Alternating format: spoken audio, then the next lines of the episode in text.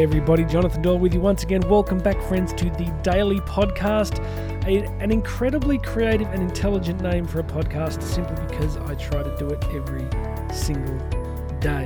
Didn't take long to name the podcast. Welcome aboard. Please make sure you have subscribed. Hit that big subscribe button. Share this with family and friends, and please go and check out the links. You can book coaching time with me, business coaching, personal coaching. Uh, go check out that link. You can also, of course, book me to speak at conferences, events, training, and seminars. So that is all there. Friends, we are going to finish up uh, the kind of US Navy SEALs David Goggins week of focus. If you're only just coming in on this podcast today, the last few days I've been riffing on some quotes from former US Navy SEAL David Goggins, who I'm a big fan of. And uh, um, this last episode in this little sequence, I'm going to share to you with you today a really interesting little set of quotes from Mark Owen, who is also a former US Navy SEAL. What is my obsession with them? Why am I not obsessed with, I don't know, pottery artists of outer Lithuania? That was random. Why my Navy SEAL obsession? Because having never been a Navy SEAL, I think I have, however, been somebody who's always been interested in peak performance and our limits and our capacity for limits. And I think what drives it for me is my father, who's been dead for a long time. You know, he was somebody that really struggled with motivation, mental health, resilience, uh, physical well-being, and I really saw it take his toll on him. And it's something that I obviously that I grew up with and grew up watching, and um, you know, so many memories of him being really stuck in life, you know, and, and stuck in his health and I think that really shaped me. I think it really did. I'm very clear about that. It's uh, you know, and and over the years I've done a lot of work and, and working through that, but I think it does drive me. I'm at peace with that. I think it's you know we're all shaped by our, our past, by our childhood, and wanting to leave a little something better. I think uh, you know my own son. I think he'll look at me and it'll be the exact opposite. He'll be like. Well, I don't do any exercise because my dad did enough for two of us. They've grown up seeing me like, you know, the number of times I've come home and then Karen's like, "Kids, no, just don't don't talk. Just give him ten minutes. Give him give him ten minutes." when I was running ultra marathons, I used to go out every Sunday and run a marathon. So I go out. This is only quite recently. I'd go out on a Sunday morning and run an Olympic marathon, as you do. And when I came back, like it just took a while. It just took a little while until I felt normal again. And so they've really seen me, I guess, take those things pretty seriously. And that's kind of why I love the Navy SEAL stuff because it's sort of men and you know and that have really taken themselves to those limits and learned about that mental toughness. So Mark Owen's quotes. So Mark Owen, as I mentioned, is former US Navy SEAL. And I want to give you just a few quick quotes of his to wrap out our little sequence here together. And I like this one. He says, "It's not about being the best. It's about being your best." It's not about being the best, it's about being your best. You know, people have asked me over the years, you know, did I ever struggle with anxiety and, you know, with public speaking, right? Because I think at the moment of recording, even though COVID put a dent in it, I'm pretty sure I've done round about just a little under half a million people, sort of 450,000 plus in live events over the last two decades and so the bigger crowds I've done are north of sort of 10,000 people in the room. So, you know, when you, if anxiety is an issue, which it has been for me, and stage fright, you know, because it's something I struggled with. You know, it was like, yeah, I was able to speak and I was I was good at it, but there were times early in my career when I could be really paralyzed, and I think it was to do with all sorts of perfectionism, a whole bunch of other stuff. But what really pushed me through, what really created the shift, because there was times when it was really hard was this experience I had in uh, uh, where was I in St. Louis um, in the states where I spoke at an event and it, it was such a big crowd, but I I just knew that I couldn't be anxious anymore, and my focus shifted on really trying to serve the people in the room. And the minute I really focused on them, the anxiety disappeared. And my point is, if you listen to this quote, it's not about being the best; it's about being your best what helped me was I realized that it was simply my job to bring the best that I could for them. And I didn't need to worry about was I better than anybody else or good enough. It was just while I'm here, I'm just going to try and serve these people with who I am the best that I possibly can. So I like this Mark Owen quote because it's uh, it's really good. It's not about being the best. We don't have to put that pressure on yourself. You don't have to put your pressure on yourself to be the best in anything the best parent, the best mother, father, spouse, boyfriend, girlfriend, principal, business owner. You don't have to. You can't.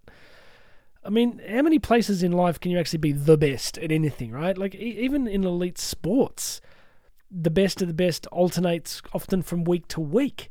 So no one really gets to be the best. We just get to be our best which ties into some of the themes this week we've discussed around our human potential and making choices that are congruent to moving us forward.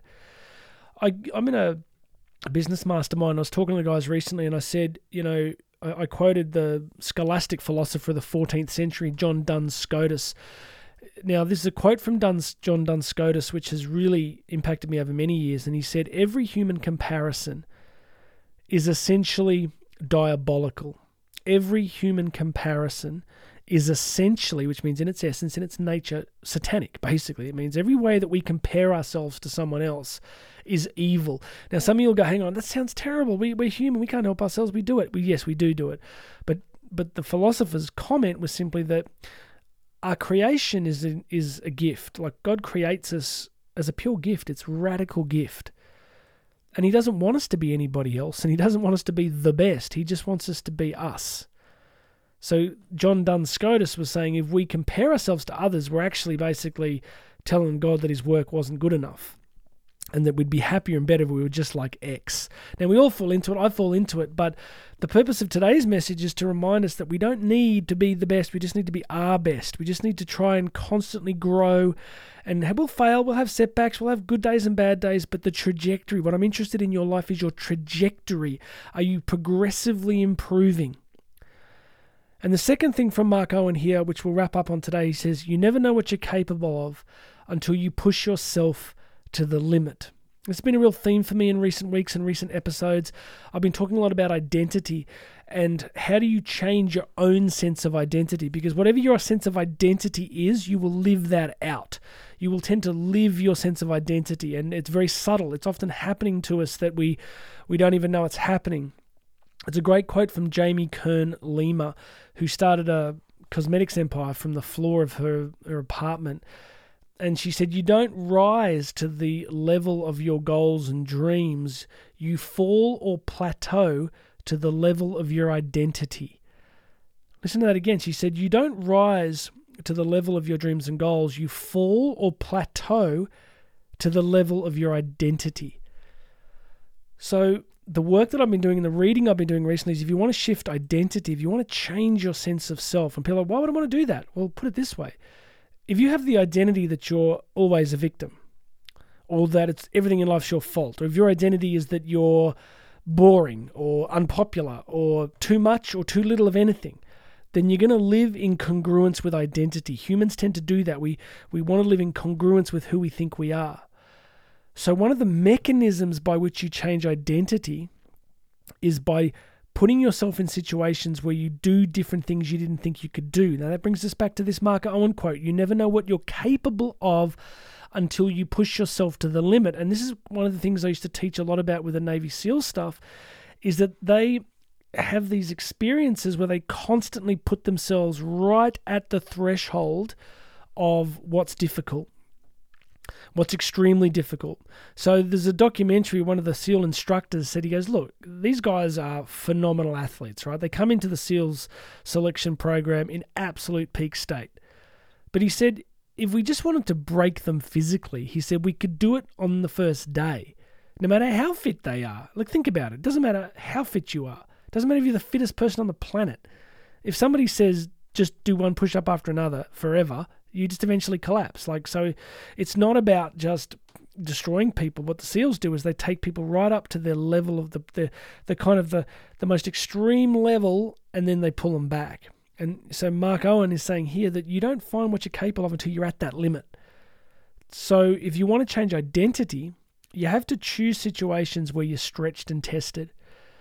You know, for me as someone who trains a lot, especially with things like cycling, like because where I live, it's a really high level competitive cycling community. So you're constantly in a situation where you're getting wrecked racing with people that are really strong. So I get to experience that in that area. But I think the challenge for all of us is that in other areas of life, we're rarely taken to our limits. you know, Karen and I have been really you know, really sort of rebuilding our business since COVID. Like a lot of people, we got really affected by it because we couldn't travel and the education sector was affected and a whole bunch of things.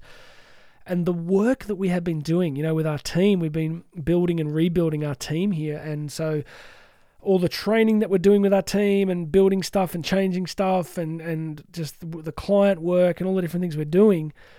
I'm like, man, this is like really hard. And my daughter, who's a, got a real business head, you know, I, she's seeing it, and I said to her, I said, "Oh, like she's got she's got a real entrepreneurial heart." And I said, "You're seeing it, right? You're seeing that if you want to really grow a business, then it is not like the movies. It's like you got to really get it done. You got to take yourself to the limit." So for Karen and I, like our capacity, our capability, our experience in life is going to be quite affected by this experience we're in at the moment, and really pushing ourselves pretty hard. And I know some of you probably listen to me and you think, Jonathan, this is so full on. Like, you're so full on. I go, yeah, I rest, right? Like, I'm in the studio now, but um, when I get out of here, I'm going to take some. I'm going to you know, it's it's Friday afternoon here in the studio. It's the first game of the rugby season tonight, so I'm looking forward to that.